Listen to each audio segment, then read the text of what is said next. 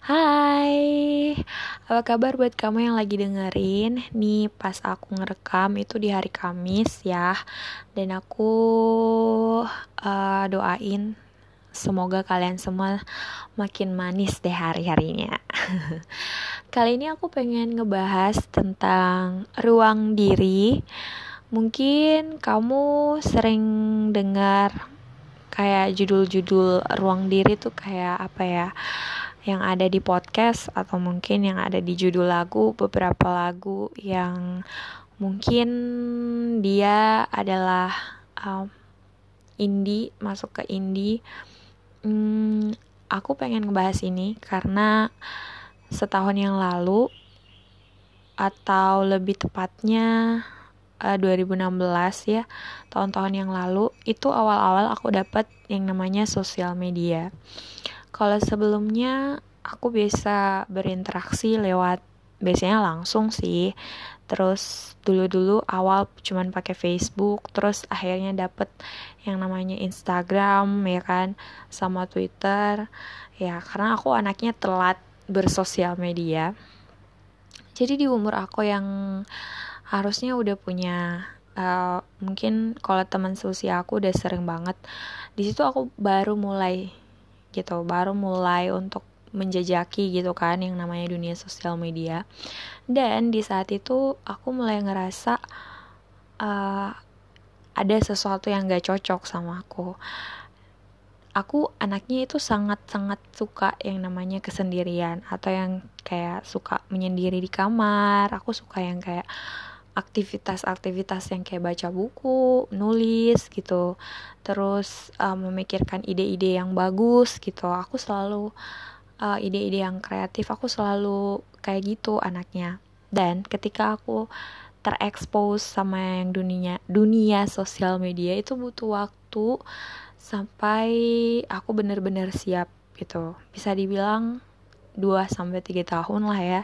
Wow, itu sangat-sangat lama banget dan itu problem aku sendiri. Ternyata banyak juga orang-orang di luar sana yang gak cocok sama dunia sosial media. Well um, menurut aku nih ya sangat penting buat kita untuk menemukan kapan dan di mana kita bisa menempatkan diri kita. Aku sih suka banget yang namanya uh, ruang diri. Dan uh, selain itu aku juga suka bersosial media. Jadi both side eh jadi kedua sisi ini yang membuat aku tuh bingung aku tuh anaknya yang mana ya gitu. Akhirnya aku berusaha mencari di mana aku bisa mendapatkan ruang diri aku lagi. Mungkin pengalaman tiap orang beda kali ya. Kalau aku sih uh, benar-benar berusaha untuk uh, balance menyeimbangkan kedua-duanya ini. Karena aku nggak bisa maju ngikutin perkembangan zaman tapi aku nggak pakai sosial media. Di balik itu aku nggak bisa gitu kalau cuman pakai sosial media tapi aku melupakan diri aku yang menyuk sisi diri aku yang suka sama yang kesendirian ruang diri. Well ruang diri orang tiap orang tuh beda. Terus uh, apa ya kualitas kuantitasnya juga beda jumlahnya gitu kan. Ada yang mungkin butuh cuman butuh sejam dua jam. Kalau yang kayak aku biasanya makin lama makin nyaman gitu. Nah kesetiran ini juga yang karena skalanya beda-beda tiap orang beda-beda kebutuhan orang beda-beda yang kadang mungkin orang nggak perlu yang namanya kesendirian atau porsi ruang dirinya tuh cukup sedikit. Jadi itu yang membuat um, orang yang melihat orang yang suka sama yang kesendirian ini kayak uh, nganggap yang lain itu apa ya uh, mungkin kayak ngapain gitu. Lo tuh kok menyendiri sih? Gue sering dapat statement kayak begitu. Tapi I love for being alone in my room.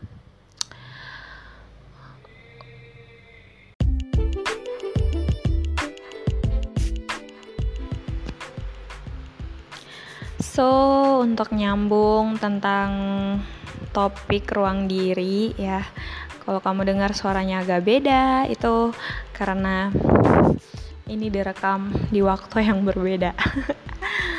oh iya, karena udah ngebahas banyak tentang ruang diri. Oh iya, aku juga mau um, kayaknya penting banget deh kalau kamu tuh tahu nih kapan waktu kamu buat uh, diri sendiri time for yourself kapan waktu kamu buat berbagi sama orang buat sama-sama orang lain karena nggak semua orang kan sama gitu ya. Tiap-tiap orang beda. Jadi mungkin itu kedengarannya simpel. Tapi ketika dilakuin um, agak ribet ya. Apalagi kalau uh, kamu udah tinggal bersama sama orang lain. Aku pernah ngebahas uh, sedikit nyinggung topik ini sama bapakku jadi dia bilang ya itu pentingnya privasi kayak gitu. So ya itulah. Untunglah kita hidup ya di dunia modern sekarang. Jadi kita punya yang namanya rumah rumah sendiri terus ada kamar. Kamu bisa masuk kamar kamu sendiri kalau nggak nyaman. Dan senyamannya kamu untuk mencari kenyamanan kamu lagi itu gimana gimana kamunya gitu emang ruang diri ini uh, kaitannya erat banget sama yang namanya kenyamanan. Ya di mana mana karena kita menginginkan diri kita jadi itu terkesan emang sih ego gitu. Ego maksudnya kita mementingkan diri kita sendiri untuk kenyamanan kita sendiri. But in the other side that's um that's also important so aku pikir itu penting ya buat kita yang sedang hidup di dunia serba terbuka zaman sekarang. Kamu nggak bisa ya emang benar kamu nggak bisa buka semua masalah kamu.